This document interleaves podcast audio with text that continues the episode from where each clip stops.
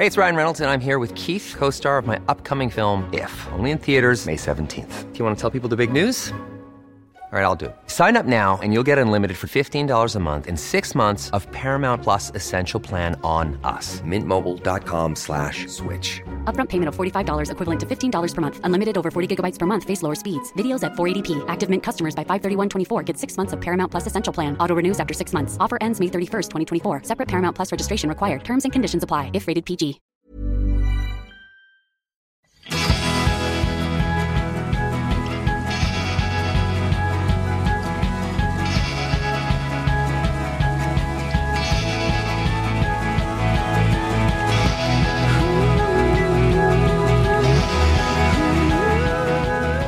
Välkommen till Food Pharmacy-podden, Lena Gummesson.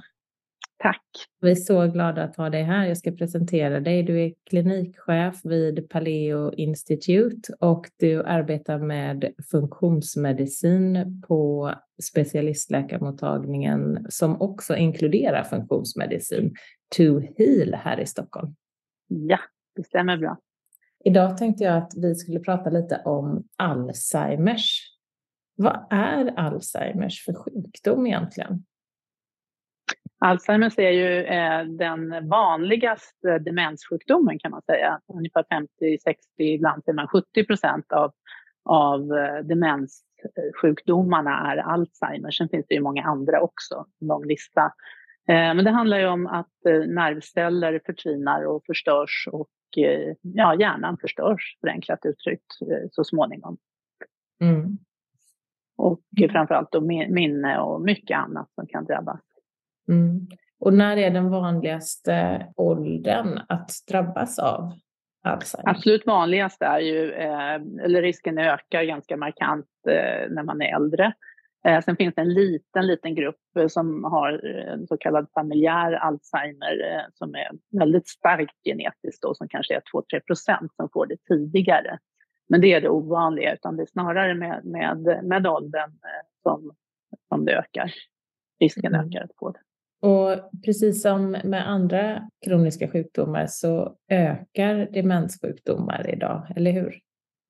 Alzheimers är en sjukdom precis som diabetes som ökar eh, väldigt kraftigt i världen. Eh, I dagsläget så är det dryga 55 miljoner människor som har Alzheimers och man ser en fördubbling var 20 år. 2030 eh, så räknar man med 80 miljoner och 2050 över 150 miljoner människor i världen. Mm. Vet man varför det är så? Ja, en viss del kan givetvis förklaras av att vi lever längre. Men eh, det är inte så att vi lever så mycket längre så att vi kan förklara den ökningen utan eh, väldigt mycket handlar om, om livsstilsrelaterad ohälsa, precis som vi ser metabol ohälsa. Så ser vi också en, en en underliggande orsak till Alzheimer som är kopplad väldigt starkt till livsstilsproblematik. Mm. Om vi pratar om livsstil så menar ju många forskare att Alzheimers är en diabetes typ 3. Vad innebär det? Mm.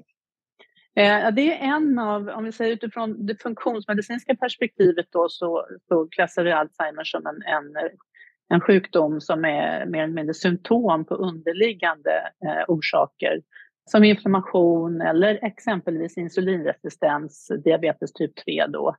Eh, det kan finnas många andra grundorsaker också. Den vanligaste eh, så att säga, metabola eh, grundorsaken till Alzheimers är den här insulinresistensen eh, som då har gett den namnet diabetes typ 3.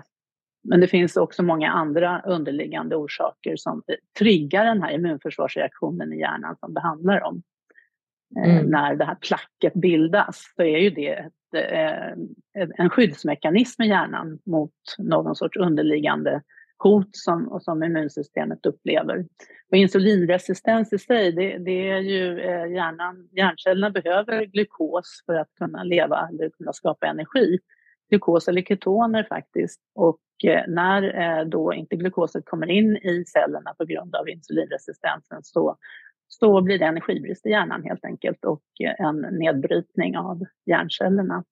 Sen är det, eh, finns den andra lilla mindre bra problematiken, det är att eh, eh det här eh, amyloidproteinet som då bildar plack har samma degraderingssystem i hjärnan som insulin har. Så när insulinet tar, tar upp hela enzymkapaciteten av eh, ett enzym som heter IDE eller insulin degrading enzyme så eh, finns det inte så mycket enzymkapacitet kvar för att bryta ner amyloidproteinet också med placket.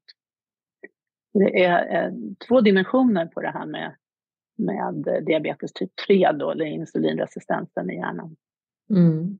Och det här med när det börjar bildas plack i hjärnan, det här kan ju, jag har läst att det är en process som kan pågå under ett 20-tal år, att det kan mm. starta väldigt tidigt. Absolut.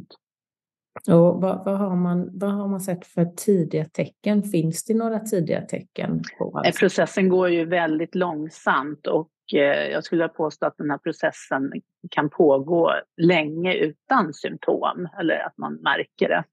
Så den eh, förgrundsgestalt som, vi, som eh, har varit väldigt tongivande inom funktionsmedicinen, då, en, en professor som heter Dale Bredesen som har utvecklat ett funktionsmedicinskt protokoll för Alzheimers. Han menar ju att man borde göra en kognoskopi. Eh, alla borde göra det vid 45 års ålder ungefär. Mm. Ehm, för att det är, de underliggande orsakerna kan vara, är så mycket som, som vi har i vårt samhälle idag. Vi har insulinresistensen, vi har vi har eh, inflammation av olika slag. Vi har, eh, kan ha näringsbrister på grund av att vi kanske har eh, en, en dålig mag-tarmhälsa. Det kan vara toxiner. Det kan vara mycket som, som liksom ligger och pyr eh, som kan börja tidigt och som man då också, om man kan identifiera det, kan motverka eh, i tid. Mm. Vad, vad är kognoskopi?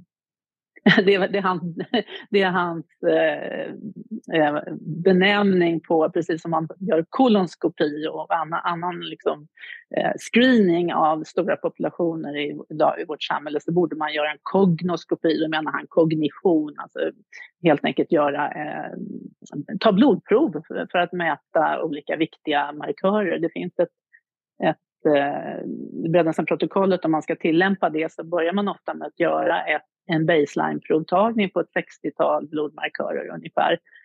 För att eh, titta på just eh, det metabola, det inflammatoriska, eh, toxiner, eh, om man har tillräckligt med näring och så vidare för att få en, en, en, basplatta. Och sen utifrån det då så kan man eh, skapa ett, ett väldigt precis, precis individuellt livsstilsprogram kopplat till de brister man faktiskt kan mäta eller de obalanser man faktiskt kan fånga upp i den här i den här baseline-protokollet protokollet eller panelen som man, som man gör. Sen så kan man behöva gå vidare på individuell basis då med det klassiska, mag-tarmhälsa, om vi har toxiner kanske man behöver göra vissa utrensningar.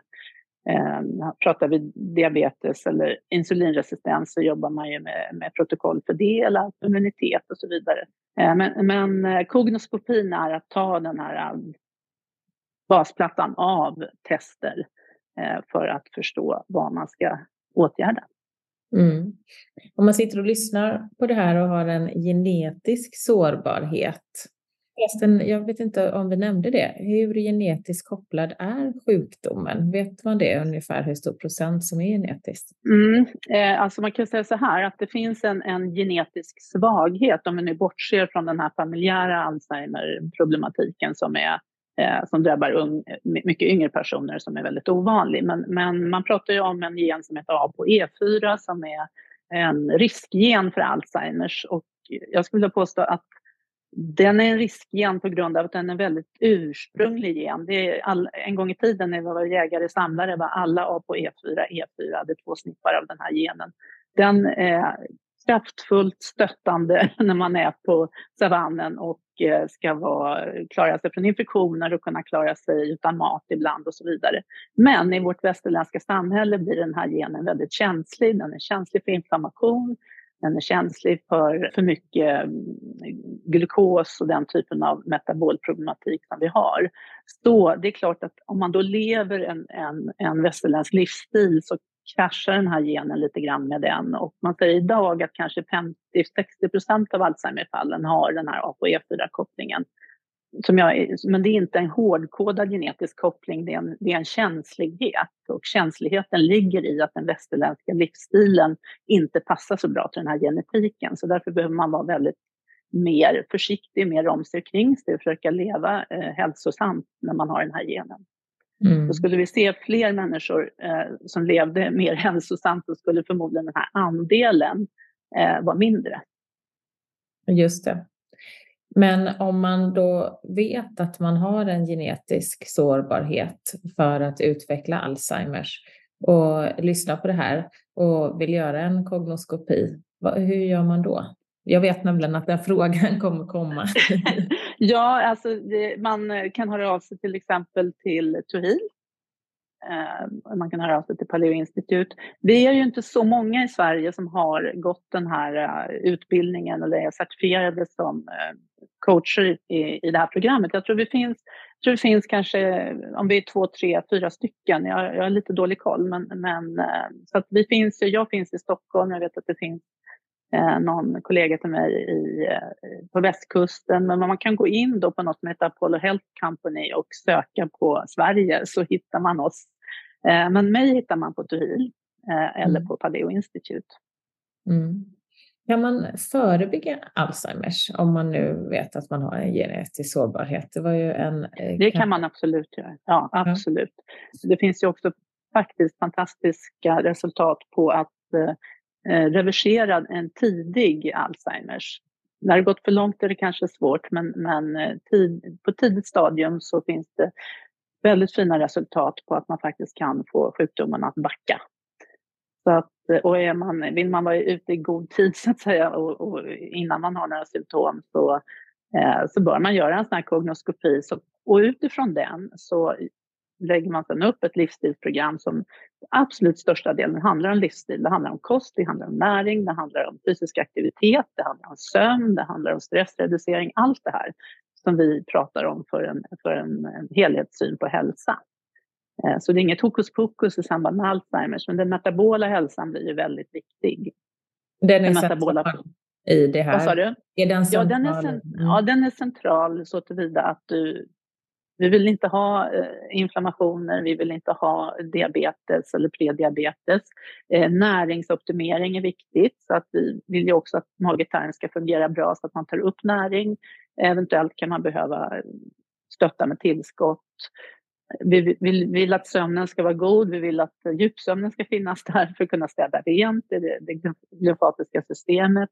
Både aerob träning och styrketräning är jätteviktigt för kognition. Det finns en stark koppling mellan eh, muskler och, och, kognition till exempel. Stress vill vi inte ha, det vill vi inte ha i andra sammanhang heller. Så balans. Men näringsoptimering och eh, att få komma till bukt med kronisk låggradig inflammation och, och insulinproblematik är, är fundamentalt. Mm. Och eh, hur strikt ska man vara när vi talar om metabolhälsa och insulin? Insulin känns ju som att det är ett hormon som hela tiden dyker upp och det är ju inte konstigt eftersom att vi idag gemene man går med alldeles för höga insulintoppar varje dag. Hur, ja. hur strikt ska man vara tycker du? Det gäller väl inte bara Alzheimers dessutom? Nej. Det är väl generellt alla, de flesta sjukdomar idag? Precis, det, det, är generellt och, och jag skulle vilja säga att det här protokollet, alltså, eller Breddenprotokollet är ett, ett skolboksexempel på hur funktionsmedicinen fungerar med med rotorsaker, ge sig på det som ligger och pyr som triggar någonting annat i, i systemet. Eh, man behöver inte vara superstrikt. Vad vi vill uppnå i det här, det här perspektivet och Alzheimers, det är ju en metabol flexibilitet, vilket är ganska naturligt att ha egentligen. Att man både kan gå på, på fett och på, på, på socker eller glukos, men att kroppen lätt ska kunna växla. Och i vår värld där vi har då har så hög andel glukos i vår föda och eh, är kroppen nästan ovan att, att kunna växla energikälla så behöver man vänja den med det. Men när man väl har vant den och lärt sig att vara metabolt flexibel då behöver man inte vara så strikt utan då, då har man liksom fått igång systemet igen att vara, vara anpassningsbart.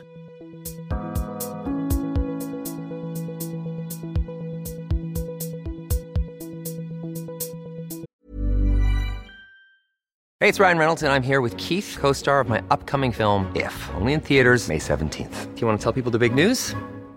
All right, I'll do it. Sign up now and you'll get unlimited for $15 a month in six months of Paramount Plus Essential Plan on us. Mintmobile.com slash switch. Upfront payment of $45 equivalent to $15 per month. Unlimited over 40 gigabytes per month. Face lower speeds. Videos at 480p. Active Mint customers by 531.24 get six months of Paramount Plus Essential Plan. Auto renews after six months. Offer ends May 31st, 2024. Separate Paramount Plus registration required. Terms and conditions apply if rated PG. A lot can happen in three years. Like a chatbot may be your new best friend. But what won't change? Needing health insurance. United Healthcare Tri Term Medical Plans, underwritten by Golden Rule Insurance Company, offer flexible, budget friendly coverage that lasts nearly three years in some states. Learn more at uh1.com.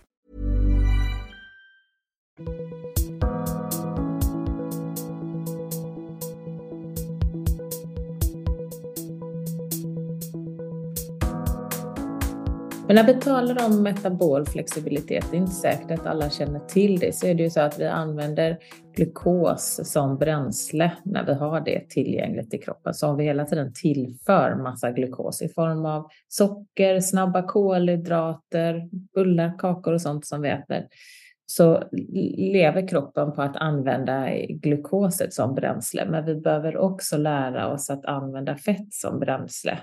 Och hur, hur lär man kroppen det? För det är inte så svårt, eller hur? Nej, eh, dels kan man se till att man har komponerat sin kost i, i en övergångsfas så att säga till att vara lite mer högfettskost för att lära kroppen att, att använda fett som energikälla. Men ett annat sätt är också att eh, hålla, ha måltidsuppehåll, att kanske tillämpa lite periodisk fasta. Då menar jag inte att man ska fasta jättemånga dagar utan man kan eh, exempel ha en dygnsrytm. Man har 16-8 som är en ganska eh, klassisk eh, ekvation där man fastar i 16 timmar och äter under 8 timmar. Har ett ätfönster då under åtta timmar. Det är inte så dramatiskt som det låter. För om vi sover en stor del av den här tiden så kommer man ganska lätt upp i 16 timmar. Man tar, äter middag klockan sex och så äter man en sen frukost eller brunch vid tio. nästa dag så har man, då har man eh, fastat i 16 timmar. Så det är också ett sätt att lära kroppen att ta till den lite lite långsammare processen att få igång eh, fettförbränningen eh, genom att vi helt enkelt låter bli att äta under, under en längre period. Det, så den kombinationen av att uh, ha en, eh, vad ska vi säga, i alla fall utifrån Alzheimer-perspektiv så pratar vi om en mild, uh, vad ska vi säga, medelhavsketo. Vi pratar inte klassisk ketogen kost, men en uh, mild medelhavsketo med mycket goda fetter, men också med en hel del grönsaker och, och sånt. Så det är inte, det är inte bara fett och protein i kombination med den här, eh, det här fastefönstret. Så det är ett sätt att få igång, eh, att lära kroppen att använda fett som energikälla. För när det inte finns något glukos, då, då, då går kroppen till fettreserverna. Mm. Jag lever själv ungefär så som du sa. Jag bryter min fasta runt tiden med en, en lite större måltid. Ibland bara kaffe och så äter jag någon timme senare en, en tidig stor lunch istället beroende på omständigheterna och avslutar någon gång vid 18, senast 19 med middag. Hur lever mm. du? Får man fråga det? Ja, jag lever likadant. Jag kanske inte kör 16-8 varje varje dag. Jag gjorde det ett tag, men jag märker att jag behöver eh, ibland, särskilt om, då, om jag då styrketränar, så, så ser jag till att få eh, i mig en ganska rejäl dos protein eh, efter min morgonträning. Så de dagarna jag gör det, då, då blir det nog lite kortare fastefönster, kanske 12 eller 14 timmar. Men eh, varannan dag i alla fall kör jag 16-8. Mm jag ska säga att jag kör inte varje dag heller, men man behöver ju inte köra varje dag. Det är ju det som är eh, så bra. Men, men, man kan ju se det som majoriteten av dagarna, vardagarna, regel mm. och inte undantag. Precis, och om vi går in i allt för regelbundet mönster, då blir ju kroppen van vid det också. Det blir, då blir den inte heller särskilt flexibel. Så det är just det här att vi, att vi ska ändå variera lite och, och se till att kroppen hela tiden är, är anpassningsbar till läget. Mm. Så vad kan man göra då? Du sa att ett, på ett tidigt stadium så kan man faktiskt reversera, eh, har man sett. Vad mm. skulle man kunna göra om man i ett tidigt stadium upptäcker Alzheimers? Ja, om man då eh, får en sån diagnos så skulle jag föreslå att man faktiskt parallellt med den vanliga vården då som man förmodligen har hamnat hos när man får diagnosen. Då är det är inget man får på vårdcentralen, utan då har man gått vidare någonstans eh, in i, i sjukvårdssystemet. Och jag menar, det är jätteviktigt att, att man håller, håller sig kvar där, givetvis. Eh, men jag tycker att man parallellt ska eh, kanske vända sig då till en, en funktionsmedicinsk läkarmottagning och göra en sån här grundläggande kartläggning eh, av de eh, eventuella rotorsaker då som man kan åtgärda som, parallellt med att man faktiskt går på minnesmottagningen. Eh, och det handlar i nio fall av tio skulle jag vilja säga om, eh, om kost, näring och andra livsstilsåtgärder. Sömn, icke minst. Sömnapné, jätteviktigt att eh, förstå om man har eller inte. Eh, det går ju oupptäckt i större delen av fallen. Eh, Hjärnan behöver få syre på natten. Jätteviktigt. Hur märker man om man har sömnapné då? Då, måste man, då får man vända sig till vårdcentralen eller, eller den läkarkontakt man har och eh, får man ofta låna hem en sån här liten eh, utrustning kan man säga över natten där, som mäter eh, om man har andningsuppehåll och får väldiga fall i syresättningen eh, eller inte. Så det, finns, eh, det är väldigt lätt och det är, en lite bökig utrustning på sig när man sover men det, det är inte särskilt komplicerat. Eh, det mäts över natten då och då konstaterar de huruvida man har det eller inte. Har man det då, då kan man behöva få hjälp med, ja, det finns olika grader av, av åtgärder då, allt från någon sorts bettskena till, eh, till eh, CPAP-utrustning som det heter då, som man sätter på sig en mask och får syre över natten. Men det är väldigt viktigt för, för hjärnhälsan. Det är ofta bortglömt. Sen är det också viktigt att man ser till att man, eh, som du sa, man äter inte, man lämnar måltidsuppehåll innan man går och lägger sig så att kroppen är klar med sin matsmältning så man får sova utan att kroppen ska ägna sig åt matsmältning. Får om möjligt djupsömn så att det blir en rensning i hjärnan. Eh, det lymfatiska systemet som är hjärnans eh, lymfsystem som öppnas upp eller sätter igång när, när man sover djupsömn om man eh, har fått eh, Alzheimers i ett tidigt skede och liksom självklart då tar hjälp i den traditionella skolmedicinen men också söker sig till funktionsmedicinen så har jag förstått att man kan hamna i att det kan vara svårt att veta därför att skolmedicinen och funktionsmedicinen skiljer sig fortfarande åt på vissa väsentliga plan. I sitt synsätt, precis. Den traditionella skolmedicinen är ju väldigt eh, fortfarande helt inne på att eh, att man ska medicinera mot det här placket i hjärnan och vilket då kan vara skadligt eh, eftersom det här eh, plack, amolydbetaplacket, är en del av immunförsvaret som till viss del syftar till att skydda. Men, men här, här är det ju en ganska stor, ett stort, stort avstånd mellan skolmedicinens syn på det här och, och eh, funktionsmedicinen. Vilket gör att man kan hamna i en liksom, jobbig situation där man då ska äta någonting som man mår sämre av. Eh, de här medicinerna som är utvecklade har ju absolut ingen, inte lyckats överhuvudtaget utan eh, har ibland jobbiga biverkningar och ger egentligen ingen, ingen, ingen hjälp på traven. Så det är klart att det är svårt att hamna i en sån situation att man ska äta medicinen och ingen och de tycker, säger att kost är inte viktigt. Ät så mycket godis du vill, eh, ha så kul du kan den tid du har kvar. Ungefär. Det, är så, det, är så, det är så de bemöts. Men det är det som, är, som blir att det blir en ganska kär situation när man ändå inte... Liksom, vem ska man lyssna på? Mm. Och vad som skulle kunna vara intressant att nämna det är ju då att eh, för eh, ganska exakt ett år sedan var det väl lite drygt så blev det, en, blev det en så kallad skandal i forskarvärlden för att tidningen Science eh, hade gjort ett grävjobb där man faktiskt kom fram till att den helt banbrytande, eller man ska säga den studie som, som liksom ligger bakom amyloid plack-teorin som också har legat bakom all forskning, alla, alla mediciner som har utvecklats, den visar sig vara fejkad till viss del. Så de hade fejkat en del av foto, alltså bildresultaten för att helt enkelt eh, få studien att bli som de ville. Så att det, det blev en stor skandal i forskarvärlden. Det har också öppnat upp lite grann för alternativa synsätt och även forskningspengar för de här alternativa synsätten som eh, Bredensen-protokollet är ett exempel på. Eh, tidigare var det lite svårt att få, om vi pratar nu USA och de stora studierna, att få forskningsfinansiering för något som inte var ett, eh, eh, ett läkemedel, eh, en livsstils, ett livsstilsupplägg. Liksom det, det har inte liksom kunnat få forskningspengar på samma sätt utan det har varit de här olika preparaten då som alla har visat sig ganska misslyckade och har kostat miljarder.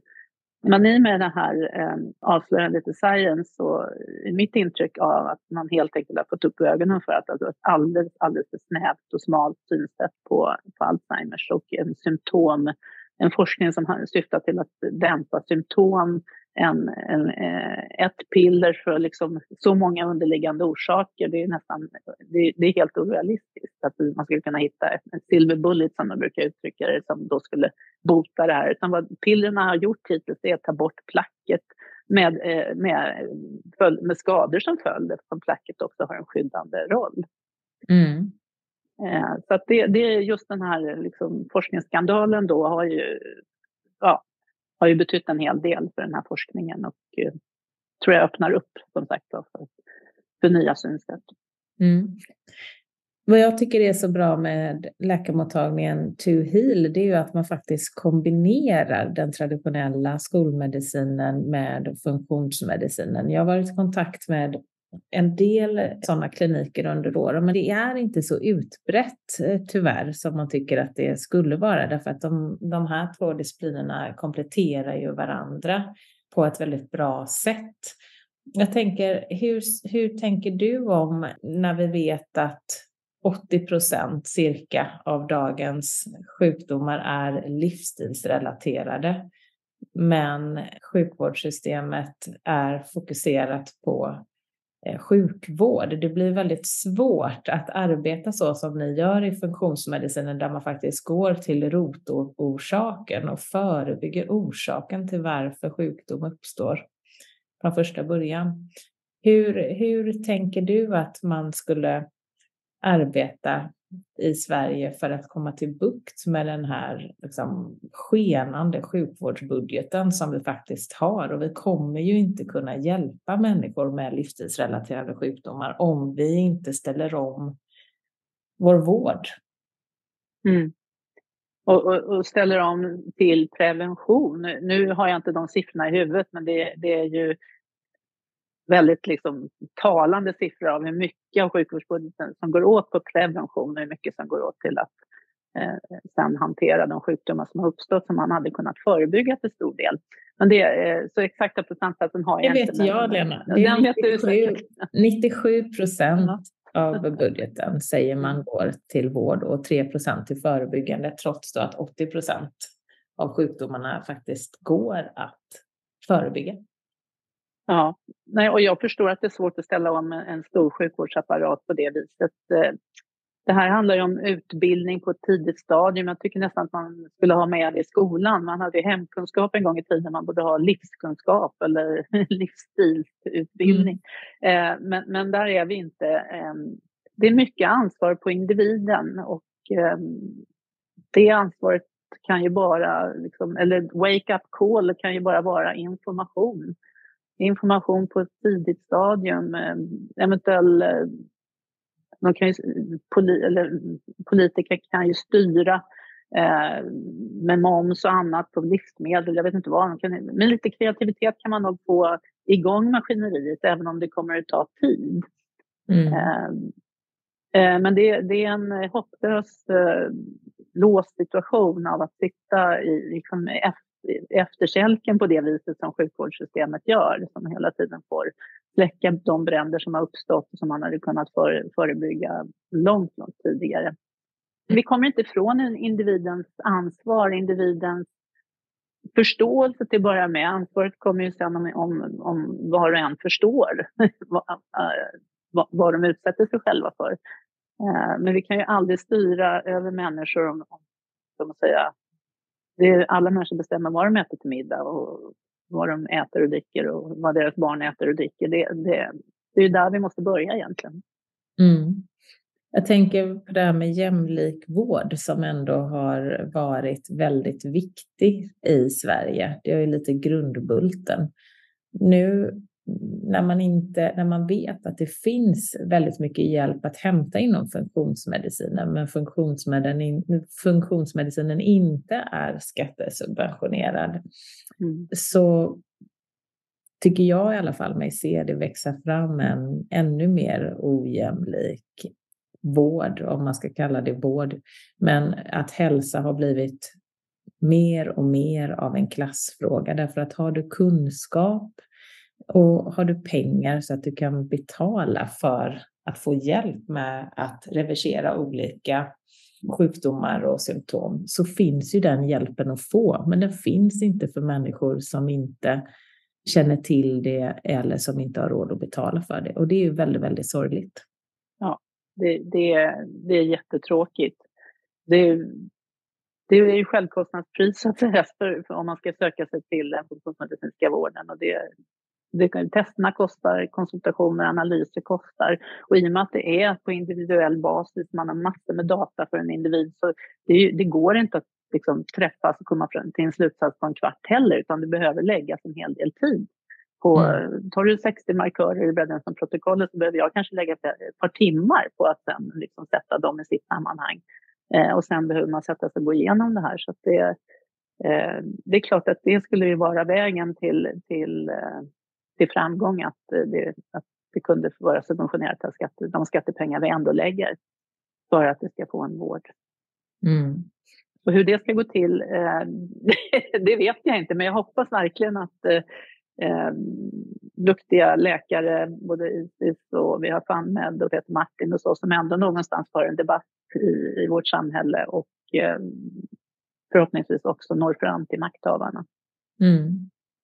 Ja, och Sen det... är det ju så att det tar ju eh, tar väl ungefär, vad säger man, 16 år innan nya rön når slutkonsument eller slutklient när bakterierna upptäcktes en gång i tiden tog det en hel läkargeneration innan det började implementeras. Så där har vi också, det ska finnas tid för de, läkare vi har idag att sätta sig in i nya rön. Mm. Ja, verkligen. Men därför tycker jag att det är så viktigt att nå ut med den här kunskapen som till exempel du har delat idag. Därför att eh, desto fler människor som känner till att man kan faktiskt förebygga och man kan via sin livsstil inte bara förebygga Alzheimers utan de flesta livsstilsrelaterade sjukdomarna idag, även om man har en genetisk sårbarhet. Och då kanske mm. det är också extra viktigt. Vad man kan göra, var och en, vad jag rekommenderar alla att göra, det är kanske ta en, en sån här blodpanel en gång om året som man kan ta antingen på en läkarklinik man kan ta på VR-labb. Att man tar det som en vana, att man faktiskt gör en liten check på sig själv en gång om året. Där kan man fånga upp mycket av de här metabola markörerna som, som är viktiga att ha koll på. Så mm. det lilla kan man ge sig själv tycker jag. Mm, det håller jag med om. Tack så jättemycket ja. Lena för att du var mm. med i Food Pharmacy-podden och delade din eh, kunskap. Det uppskattar vi jättemycket. Tack för att jag fick vara med. Du har lyssnat på Food Pharmacy-podden med Lina Närtby och Mia Klase. Det här avsnittet är redigerat av Filippa Markaj och jag, Sebastian Ring, står för musik. Vill du ha mer av oss på Food Pharmacy så finns vi på foodpharmacy.se och på Instagram under namnet food underscore pharmacy. Tack för den här gången, hej!